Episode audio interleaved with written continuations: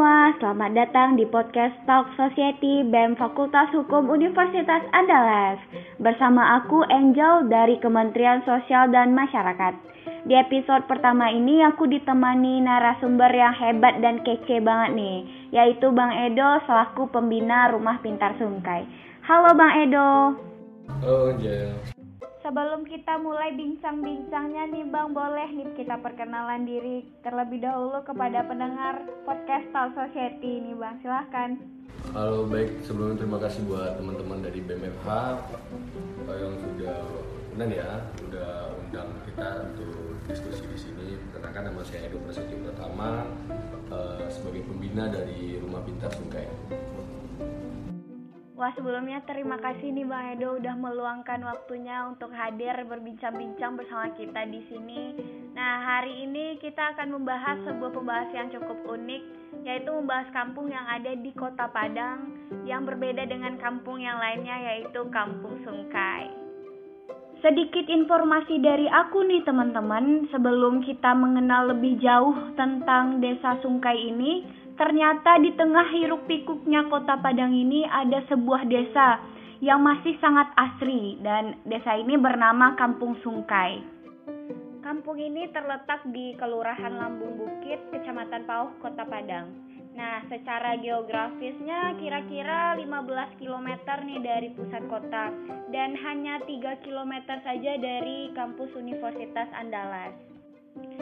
Sama seperti pendengar lainnya, aku juga mau tahu lebih dalam nih mengenai kampung tersembunyi yang ada di tengah kota Padang ini. Karena ini cukup unik dan sangat menarik ya jika ada kampung yang masih sangat asri, sedangkan berada tidak jauh dari pusat kota dan hanya 3 km dari Universitas Andalas.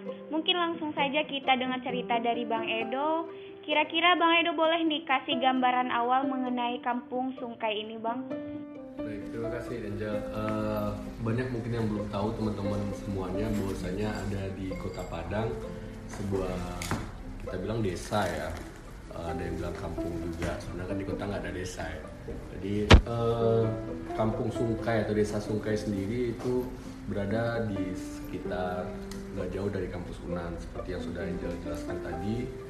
Nah, Sungkai itu sebenarnya nama kayu nama tanaman ya daun, daun sungkai kemarin sempat heboh kan mm-hmm. waktu corona ada daun sungkai nah orang pada cari daun sungkai ke sana tuh. Nah daun sungkai sungkai itu adalah nama sebuah pohon karena mungkin banyak pohon sungkai di sana. Uh, sungkai uh, itu kita masuk di sana itu tahun 2012 waktu itu mengenal kampung sungkai uh, yang unik waktu itu yang tertarik kita adalah Sungkai salah satu daerah atau kawasan di Kota Padang yang pada saat itu kita datang belum ada listrik. Nah, itu adalah hal yang sangat paling menarik bagi saya secara pribadi juga dan teman-teman yang lain pada waktu itu. Kenapa? Sebuah ibu kota provinsi di tahun 2012 di Sumatera Barat tidak ada listrik dan itu berdekatan dengan kampus Unan. Nah, itu isu yang sangat menarik. Wah ini keadaan yang cukup langka juga ya bang di kota Padang yang notabene-nya di mana sih kota Padang yang nggak rame gitu. Ini masih ada sebuah kampung yang belum dialiri listrik. Nah lalu gimana nih bang kegiatan masyarakat ketika malam hari di kampung ini? Ya itulah hal yang waktu itu sangat menarik kita lihat karena ada masih ada ternyata ya eh, masih ada ternyata uh, daerah di kota Padang yang tidak ada listrik. Nah kita sama teman-teman semuanya berpikir nih wah ini menarik juga nih lihat suatu daerah yang menurut ya waktu itu dekat ya memang dekat bukan dekat dengan kampus Unan tidak ada listrik di kota Padang di kota Provinsi. Nah kehidupan masyarakat sana kalau kita lihat rasanya pas saya datang ke Sungai itu kita datang Sungai dengan teman-teman kita kayak datang ke sebuah daerah yang jauh kayaknya dari kota Padang ternyata itu aksesnya sangat dekat ya aktivitas yang terjadi adalah ya seperti yang kita mungkin kita tonton mungkin pernah atau ada dari kita merasakan harus pakai lampu dama belajar pakai lampu dama togo itu atau mau keluar pakai penerangan pakai senter dan yang lainnya. Artinya ya tidak ada aktivitas di rumah yang dilakukan dengan menggunakan listrik waktu itu. Masak ya pastinya dengan tungku api tungku dan seperti itu kehidupannya tidak untuk alat penerangan yang dibutuhkan itu kan malam hari. Rata-rata mereka siang hari itu harus uh, beraktivitas. Jadi bisa dikatakan kalau sudah masuk ke malam hari kegiatan-kegiatan dari masyarakat sudah bisa disebut terhenti ya bang? Sudah hmm. pada di rumah semuanya pada berarti ya? nah um, kalau 2012 belum ada listrik lalu kapan nih bang? Mulai masuk listrik dan bagaimana? Kenapa nih listrik ini bisa masuk ke Sungkai akhirnya gitu? Uh, kita lihat isu tersebut mungkin karena perencanaan mungkin sudah ada. Saya yakin perencanaannya mungkin sudah ada sebelum sebelum itu. Karena kita lihat sudah ada beberapa tonggak listrik cuman nggak sampai ke masyarakat yang lainnya. Nah dan selama kita kegiatan sana kita juga angkat isu-isu ini keluar. Kita juga bicarakan di forum-forum yang lainnya. Dan mungkin dari dari pembicaraan tersebut bersama ada juga wartawan yang menyampaikan kondisi-kondisi hal tersebut sekali lagi ini jadi isu seksi jadinya ketika uh, ada daerah di ibu kota provinsi Sumatera Barat yang masih belum teraliri listrik. Kalau kita katakan di daerah lain sebenarnya Sumatera Barat banyak, cuman karena ini ibu kota iya. di Padang dekat dengan akses yang lain-lainnya dan akhirnya ini menggugah mungkin uh, dari pihak-pihak terkait stakeholder dan lain-lainnya untuk segera mungkin memasukkan uh, listrik ke aliran listrik ke sana. Karena pasti kalau listrik masuk ke sana kalau dihitung estimasinya ya pasti itu jatuhnya akan menjadi subsidi ya. Karena iya, kita lihat kehidupan masyarakat kan rendah mungkin PLN juga memikirkan cost atau biaya untuk itu. Nah kalau ketika listrik sudah masuk ke sana ketika sebelum listrik masuk ke sana apakah orang dari pihak luar uh, sudah mulai melihat Sungkai ini bang? Apakah dari di luar Sungkai sudah mulai masuk ke desa ini atau hanya pribumi sana saja bang? Sudah sudah sudah sudah masuk. Uh, beberapa aktivitas sudah dilakukan di sana. Saya secara tidak sadar sebenarnya masuk di Sungkai itu udah jauh sebelumnya 2009 pernah waktu itu nampak tilas ada kegiatan uh, yang lain. Cuman kita nggak ngerti kalau itu Sungkai waktu itu karena kita masih nggak uh, tahu kalau itu karena dari keluar hutan waktu itu kan. Ternyata pas sudah balik 2012 ternyata ini tempat yang pernah saya kunjungi dulu waktu itu ternyata 2012 dan kita lihat aktivitas masyarakat di sana itu sebenarnya dari dulu itu adalah membuat batu bata. Jadi di, di Sungkai itu adalah sentral pembuatan batu bata dulunya nah namun sempat uh, sekarang ini udah nggak ada lagi. Jadi aktivitas masyarakat dari dulu tuh memang udah banyak. Orang yang mau beli batu bata ke sana masyarakat yang jual sayur keluar aktivitas lain itu banyak. Dan saya rasa ya tadi mungkin uh, rencana pembangunan listriknya sudah ada. Cuman ini terkait masalah kos biaya atau yang lain-lainnya terus terkait keputusan juga mungkin dan intinya dari sekitar 2014an atau 2012 2013 2014 kan uh, itu sudah mulai listrik dan 2015 sudah rata semuanya iya, iya. nah uh, kalau untuk pada tahun tersebut masih banyak nih uh, masyarakat yang bikin batu bata ya bang. Kalau untuk sampai saat ini pada umumnya masyarakat di situ pekerjaannya biasanya sebagai apa tuh? Rata-rata sekarang ini ya, mm-hmm. sekarang ini rata-rata 80% dari mereka kira-kira itu jadi petani, mereka petani, petani ya. Uh, uh, sebagian dulunya ada yang cari kayu ke hutan karena itu cuman kan udah ilegal login pelarangan sudah tidak boleh kegiatan-kegiatan seperti itu uh, sekarang mereka banyak bertani berladang. Nah rata-rata di pertanian mereka hidup di pertanian. Kalau untuk um, desa ini kira-kira yang abang lihat sumber daya alam apa yang menonjol? Atau ada nggak sesuatu yang tersembunyi seperti apakah itu pariwisata yang ada di desa ini yang bisa yang membuat desa ini sangat unik gitu?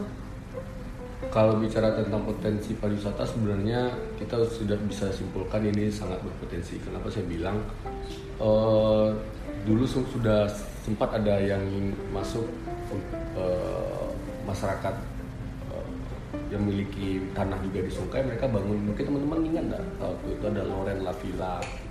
Mereka bangun villa di sana. Sekarang jadi English Youth Camp. Di sana juga terus ada juga kita camping dan beberapa dari penyuka olahraga sport uh, kita juga lihat di sana ada trabas, ada mobil off-road, yang lain-lainnya. Potensi itu ya yang menjadi daya tarik karena Sungkai itu kan terhubung di jalan lingkar dari Batu Busuk sebelum ya, gerbang nanti kita setembus ke sana.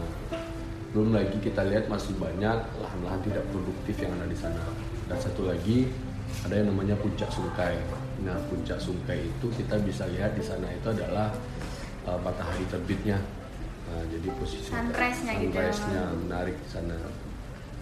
Uh, itu saya lihat potensi yang ada potensi alamnya sepertinya nggak diragukan lagi nih bang karena menarik banget ya bisa lihat sunrise dari puncak Sungkai dan juga masih daerah yang sangat asri banget tapi ada satu yang jadi pertanyaan nih bang karena mau pergi ke Sungkai kayaknya kita butuh tantangan juga ya melalui jalannya yang kayak masih seperti tanah gunung gitu dan ini apakah mengganggu kegiatan masyarakat di sana nih bang kira-kira? Ya itu salah satu jadi problem hari ini uh, di mana kondisi akses jalan di itu masih sangat memprihatinkan. Uh, terkait jalan memang kondisi akses jalan masuk ke Sungai menuju ke Sungai itu jadi problem hari ini di mana teman-teman mungkin sudah coba ya ke sana ya. Sudah. Uh, tanah-tanah liat yang masih mengganggu. Apalagi kalau hari hujan. Nah memang itu jadi problemnya. Sudah ada perencanaan dari pemerintah kota untuk membangun jalan pertanian namanya. Mungkin uh, realisasinya mudah-mudahan di tahun 2006 2022 ini uh, bisa terrealisasikan. Itu udah ada sekitar salah lebarnya 6 meteran. Nah, gitu Ya karena kebetulan nih dari Kementerian Sosial dan Masyarakat bersama BMFAUA juga sering ke Sungai nih Bang sekali uh, dua kali dalam sebulan. Jadi ini cukup menjadi tantangan juga seru juga sih sebenarnya kalau kita ke Sungai kan melalui jalan yang cukup becek dan licin gitu. Jadi yang boncengan harus turun dulu gitu. Terus kita dari atas menuju rumah pintar Sungai itu bareng-bareng jalannya. Jadi kayak kalau misalnya mau pakai sepatu juga teman teman-teman dibuka dulu kan sepatunya gitu jadi tantangan juga sih sebenarnya buat kita ya kita bersama-sama juga berharap semoga akses menuju Sungai ini bisa lebih mudah gitu dan biar orang lain juga bisa lebih mudah masuk ke Sungai dan melihat potensi-potensi yang ada di kampung Sungai ini. Nah, tadi berbicara mengenai akses menuju Sungai ini, Bang. Kalau untuk pendidikan, sekarang kita beranjak ke pendidikan anak-anak di sana cukup aktif dengan permainan-permainan tradisional mereka. Dan untuk mendapatkan pendidikan kira-kira mereka punya perjuangan sendiri nggak bang? Kabarnya nih ada cerita juga nih menarik di Sungkai ini. Baik uh, memang salah satu faktor yang membuat kita masuk ke Sungkai memutuskan untuk berkegiatan di sana adalah pendidikan.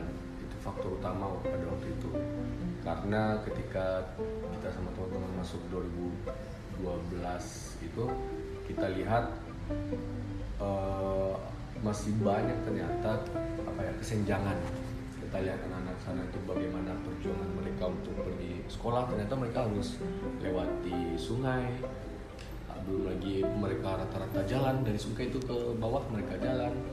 Yang udah SMP nggak ada SMP dekat sana mereka tambah jauh lagi jalannya tuh perjuangan yang kita lihat. Belum lagi pas kita proses belajar mengajar kita lihat mereka ternyata mereka seperti laptop lah. Mereka masih awam dengan hal-hal seperti itu. Kita mikir nih kalau mereka seperti ini gimana ya mereka bisa bersaing nantinya untuk masuk ke jenjang uh, perkuliahan? Karena toh dari mereka pendidikan dasar pun mereka sudah sepertinya sudah tertinggal dari sekolah-sekolah yang lainnya atau anak-anak lainnya Nah, kita cobalah uh, sama teman-teman berinisiatif untuk melakukan satu, satu hal ya. Mahasiswa kita pengen berbuat sesuatu pada waktu itu akhirnya kita buat belajar mingguan. Belajar mingguan kita belajar di musola kita tiap minggu kita ke sana sama-sama. Kita main juga kita cuman kita selingi dengan aktivitas belajar yang lainnya. Itu bisa uh, oh ya dulu saya juga pernah dengar nih bang kalau misalnya melalui jalan mau sekolah dari desa Sungkai itu teman-teman sana sampai harus melewati sungai ya bang? Hmm. itu apa tuh bang faktor utama yang membuat teman-teman itu seperti itu untuk ke sekolah? Karena di sana tuh ada opsi dua SD terdekat. Satu di Lambung Buki satu lagi daerah Batu Busuk. Daerah Batu Busuk itu adalah daerah yang melewati sungai tapi jaraknya lebih dekat kalau daerah yang satu lagi bisa jadi mereka nggak dapat sekolahnya yang sana hmm. karena persaingan juga karena di masyarakat Batu Busuk itu juga jumlahnya lebih banyak juga. Nah, salah satu akses terdekat itu pergi sekolah adalah ke Batu Busuk tadi. Nah, aksesnya kalau mau mutar lebih jauh lagi jadinya. Akhirnya opsinya adalah supaya mereka tetap bisa jalan pergi sekolah tanpa biaya, mereka harus lewati sungai. Nah, itulah yang terjadi bagaimana anak-anak uh, di Sungkai untuk menempuh sekolah dasarnya mereka harus nyebrang sungai dulu. Nah itu di dan sampai hari ini masih ada nih yang masih kuliah gara-gara nyebrang si Putri ya. Yeah. si Putri uh, dulu nyebrang sungai untuk pergi uh, sekolahnya dan nggak tahu hari ini mungkin sudah nggak ada lagi yang ke arah sana. Mungkin kan orang tuanya udah nggak mengizinkan juga. Dan mungkin mereka juga sudah punya kendaraan bermotor untuk antar anaknya jadi kalau lewat sungai itu basah-basah gitu ya uh, pakaian uh, maaf pakaian bagian ke bawah semuanya dibuka. Hmm. jadi untuk nyebrang uh, teman-teman mungkin bisa juga nonton uh, videonya ada di YouTube uh, Sungai Desaku. Itu sebuah film dokumenter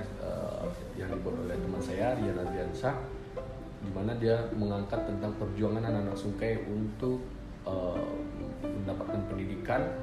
Itu ya maaf mereka buka semuanya. Jadi mereka nyebrang uh, pakaian the, celana atau roknya perempuan itu dipegang di atas pakai tasnya itu di atas tuh. Ah, tas dibawa tuh. Nah nanti di nyampe di ujung pasang lagi sepatu pasang lagi dah baru pergi sekolah jadi tapi dari sekolah tuh udah dari rumah tuh udah lengkap dulu pakai sepatu pakai itu jadi emang butuh perjuangan, perjuangan zaman dulu anak-anak Sungkai ini untuk akses ke sekolah ya bang. Nah untuk sekarang ini apakah sudah ada kira-kira uh, sekolah di Sungkai? Uh, untuk sekolah sendiri nggak ada, nggak ada sekolah yang, cuman sekolah terdekat itu masih dalam Bukti. Uh, kalau concern saya bukan sekolahnya yang ada di Sungkai ya, teman ini lebih luas lagi mungkin sekitaran kampus atau sekitaran Pau lah. Sungkai ini kan di kecamatan Pau. Mungkin tidak hanya Pau ya, seluruh wilayah eh, Padang pinggir kota ini seharusnya memiliki eh, sekolah yang ya kualitasnya kalau nggak nggak top di bawah top lah menengah agar apa karena kita lihat secara pendekatan geografis tersebut adalah banyak anak-anak uh, di daerah kota Padang pinggir. Kalau orang bilang Papiko Padang pinggir kota itu tidak akses kita agak timpang ya. Uh, aksesnya agak timpang uh, jadi banyak fasilitas sekolah atau kualitas sekolahnya masih kurang. Dan kita harapkan adalah bagaimana di daerah Lama Bukit kalau Sungai mungkin kejauhan ya bangun sekolahnya. Mungkin teman di dekat daerah sana itu punya uh, sekolah yang memiliki tidak hanya kualitas kuantitasnya juga ya. Jadi kan kita kita ingin adalah supaya persaingan persaingan mereka itu sudah di persaingan maksudnya mereka sudah punya sekolah yang lebih berkualitas. Jadi sehingga anak-anak di sana pun juga punya punya daya saing lebih bagus. Nah kalau sekolah berarti emang nggak ada sekolah di desa Sungkai. Cuman ada sesuatu yang unik nih bang di ya. desa Sungkai.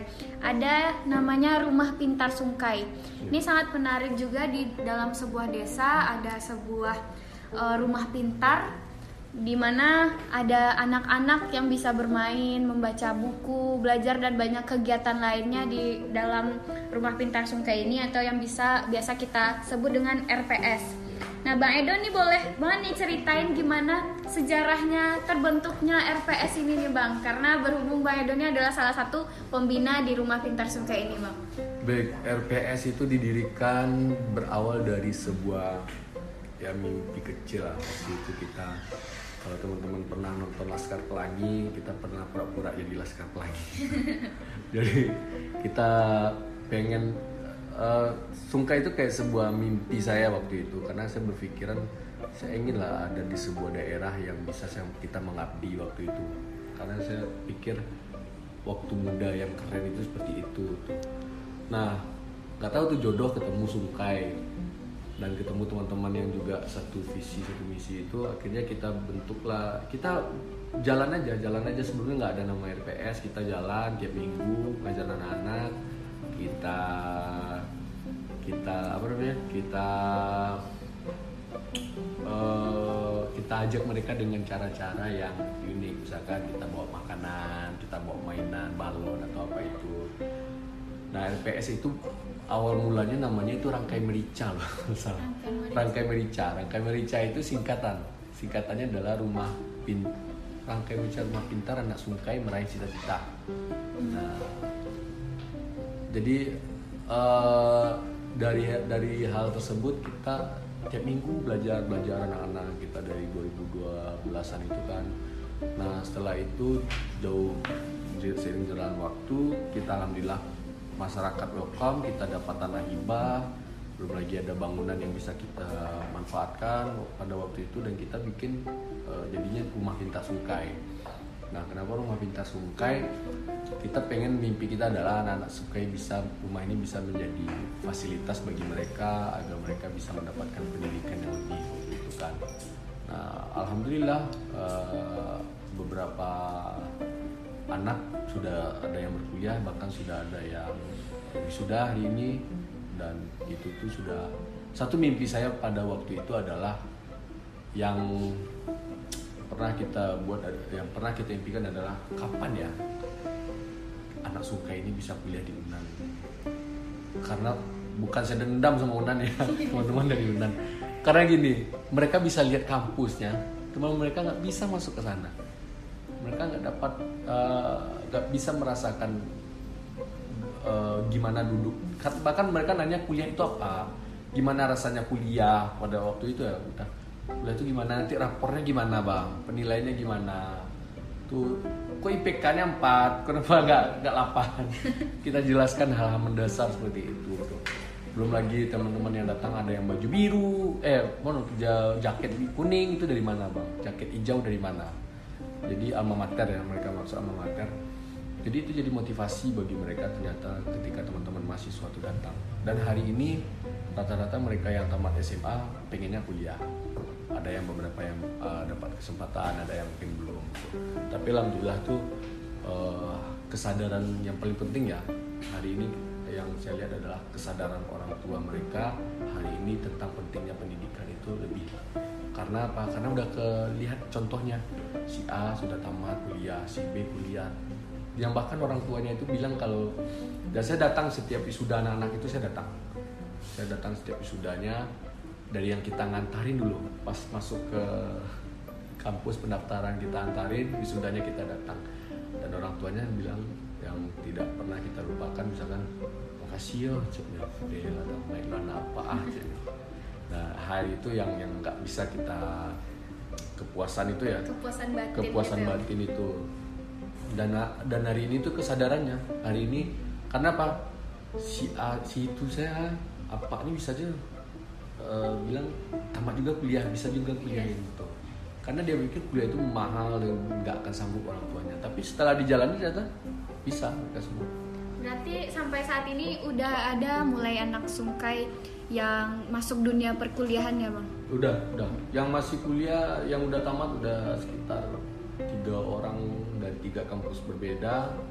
Yang masih kuliah ada satu orang lagi di di Yayan yang si Putri. Si Putri salah satu ikonik ya karena bukan ikonik karena dia tuh salah satu pemeran film Sukai Desaku. Jadi kita pakai dia sebagai uh, bintang utamanya karena memang menceritakan dia pada waktu itu. Putri sendiri juga jadi sosok panutan ya bang di kalangan adik-adik di kampung Sungkai dan juga dengan pendirian rumah pintar Sungkai ini kayaknya menjadi satu wadah buat mahasiswa-mahasiswa dan teman-teman yang lain yang mau mengajar adik-adik yang ada di Kampung Sungkai.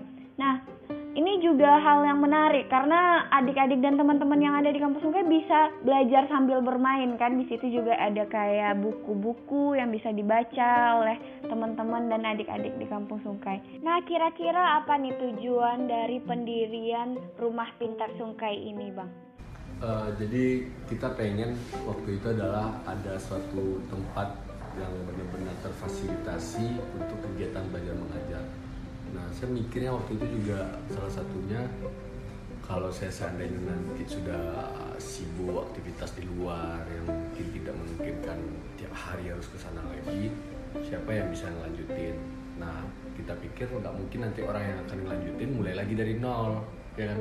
Mulai lagi pendekatan mulai lagi harus identifikasi yang macam-macam. Nah akhirnya kita mikir harus ah, ini harus ada yang jejak yang ditinggalkan termasuk uh, fasilitas yang kita bikin supaya teman-teman yang selanjutnya yang datang itu bisa melanjutkan lagi itu termasuk uh, akses. Dan kita berpikir itu karena ada bangunan yang bisa dimanfaatkan. Kita uh, lakukanlah untuk membangun rumah pintar Sungkai ini.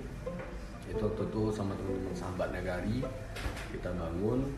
Dan kita taruh juga komputer biar mereka bisa belajar komputer kita punya ya semacam taman bermain lah. Jadi itu tempat bermainnya. Jadi mereka nggak bingung harus uh, adik-adik ke mana. Dan teman-teman pun juga nggak bingung kalau seandainya ada kegiatan maunya tempatnya di mana. Kita sudah difasilitasi yang ada di sana. Jadi di rumah pintar ini bisa dilakukan segala kegiatan lah ibaratnya ya selagi itu positif ya bang. Nah uh, kalau kembali lagi nih dari cerita awal sampai akhir ini kan udah panjang banget nih Bang Edo ada di Desa Sungkai. Aku sendiri kepo nih, kenapa apa yang memanggil Bang Edo untuk terus-terusan sampai saat ini masih peduli terhadap desa ini? Uh, itu balik lagi ke mungkin ke apa ya? Uh, diri masing-masing ya waktu itu kita ber, saya, saya jujur salah satu yang menginspirasi saya adalah kenal Mas Poto. Nah Mas Poto itu salah satu yang menginspirasi saya. Mas Poto itu adalah orang Sumatera Barat yang mendirikan Bank Tani. Dia tidak tamat SD. Nah, cuman dia bisa membantu permasalahan pertanian petani-petani lainnya. Dia juga petani. Nah, saya berpikir kenapa ya kita justru kita mahasiswa kita nggak bisa melakukan apa pun. Saya berpikir uh, pada waktu itu semangat uh, semangat Mas Rukoto itu jadi nyentuh saya waktu itu dan akhirnya kita lakukan lah kegiatan di Sungai dan alhamdulillah itu berlanjut terus berlanjut terus. Nah, yang saya inginkan adalah bisa mimpikan adalah salah satunya pengen anak-anak di Sungai itu dapat meraih pendidikan yang lebih layak lagi. Mungkin nanti berharap ada anak Sungai yang mereka sudah sukses bisa bangun lagi Sungkainya niatnya adalah untuk pendidikan yang lebih baik aja untuk pendidikan yang lebih baik berarti uh, kebetulan nih dari BEM Evawa juga ada kegiatan edukatif yang dilakukan kepada anak-anak yang ada di Sungai. Gimana nih tanggapan Bang Edo mendengar ada kegiatan seperti ini? Sangat salut dan apresiasi buat teman-teman BEM FHUA yang sudah mau untuk terjun langsung ke masyarakat menyentuh masyarakat Sungai dan ini memang salah satu yang kita inginkan dan kita impikan adalah bagaimana uh, teman-teman uh, selanjutnya regenerasi selanjutnya itu bisa memberikan efek positif terhadap uh, masyarakat kontribusi terhadap masyarakat karena kita nggak lepas juga dari tidak perguruan tinggi ya. Nah memang interaksi dengan mahasiswa dengan masyarakat inilah yang ingin sekali kita uh, dapatkan di Sungai itu sendiri. Karena apa? Uh, agar ide-ide teman-teman kan dari uh, anak-anak muda ini punya ide-ide yang luar biasa. Kita ingin ide-ide itu teraplikasikan dan masyarakat sudah ada di medianya. Medianya adalah kampus Sungai itu tuh jadi kebanyakan kan saya lihat uh, kita susah nih teman-teman mahasiswa ini. Saya ngerasakan pada waktu itu kita kesusahan mencari tempat media di mana tempat kita untuk melakukan kegiatan untuk pengabdian Nah sekarang ada kampung Sungkai yang benar-benar membutuhkan sentuhan-sentuhan dari banyak orang, teman-teman, uh, anak-anak muda, baik teman-teman BEM dan yang lain-lainnya mahasiswa. Oke, terima kasih Bang Edo. Terakhir banget nih, harapan dari Bang Edo untuk Desa Sungkai.